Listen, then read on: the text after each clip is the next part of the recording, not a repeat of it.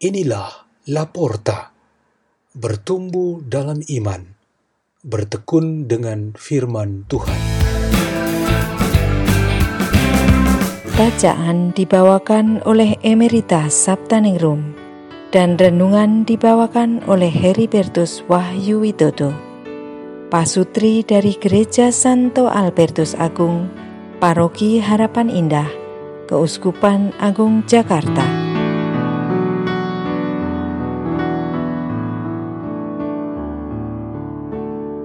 Bacaan dan Renungan Sabda Tuhan. Hari Senin Pekan Biasa yang pertama 11 Januari 2021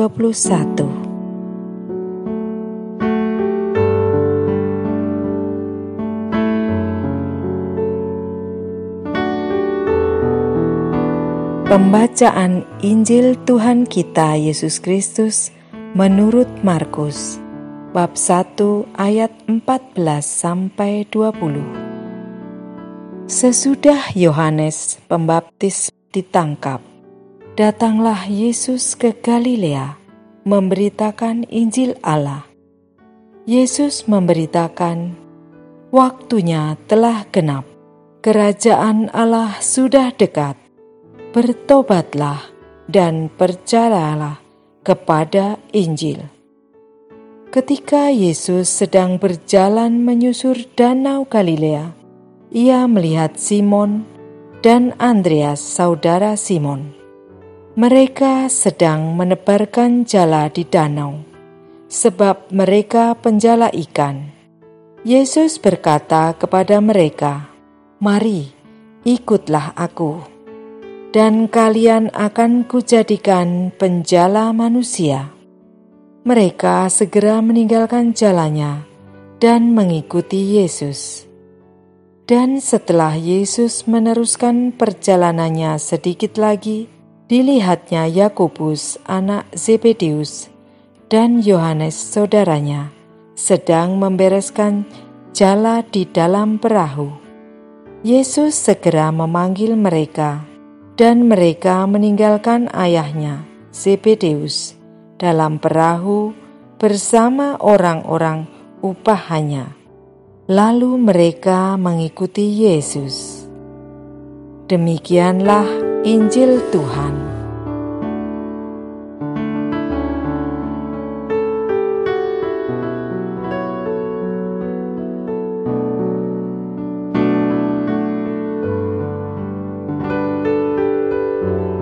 Tema renungan kita pada hari ini ialah saatnya ahli yang bekerja.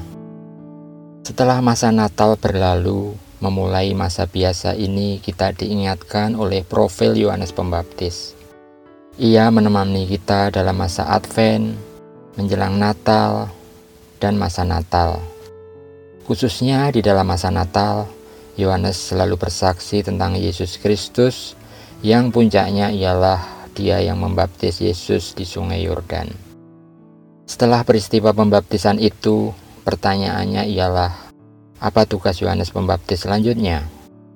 Yohanes sendiri memberikan kita jawabannya, yaitu seperti yang dikatakan olehnya, ia harus makin besar tetapi aku harus makin kecil. Dalam Yohanes bab 3 ayat 30.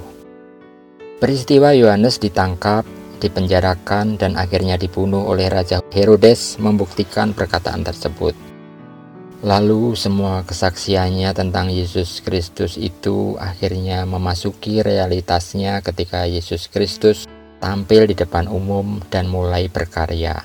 Itu berarti ke dalam medan karya yang sesungguhnya, yaitu kebun anggur Tuhan dan dunia yang berisi seluk-beluk urusannya berada dalam tangan orang yang sesungguhnya dan kita dapat menyebutnya dengan menyerahkan dunia untuk diurus oleh ahlinya.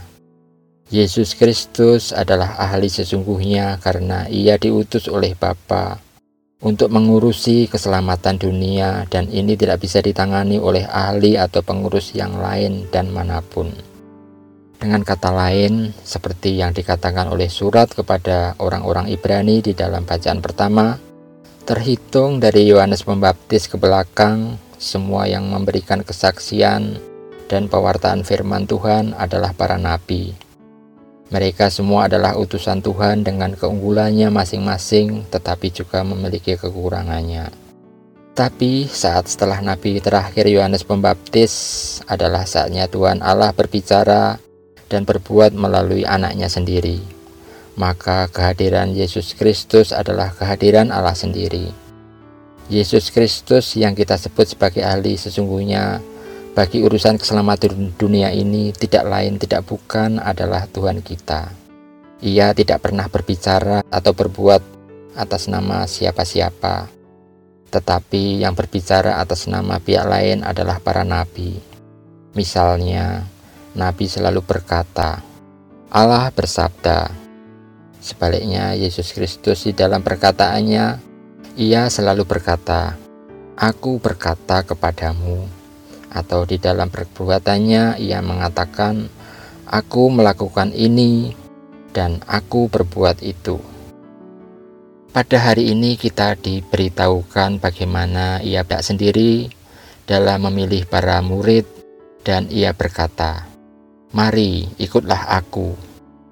Yesus tidak memakai atas nama pihak yang lain. Yesus juga berkata dan berbuat langsung kepada diri kita masing-masing di dalam keadaan kita yang berbeda-beda tiap-tiap hari. Marilah kita berdoa. Dalam nama Bapa, Putra, dan Roh Kudus. Amin. Ya Tuhan, buatlah kami selalu bersedia untuk menyanggupi undangan untuk mengikutimu. Kemuliaan kepada Bapa, Putra, dan Roh Kudus seperti pada permulaan sekarang selalu dan sepanjang segala abad. Amin. Dalam nama Bapa, Putra, dan Roh Kudus. Amin. La porta. La porta. la porta.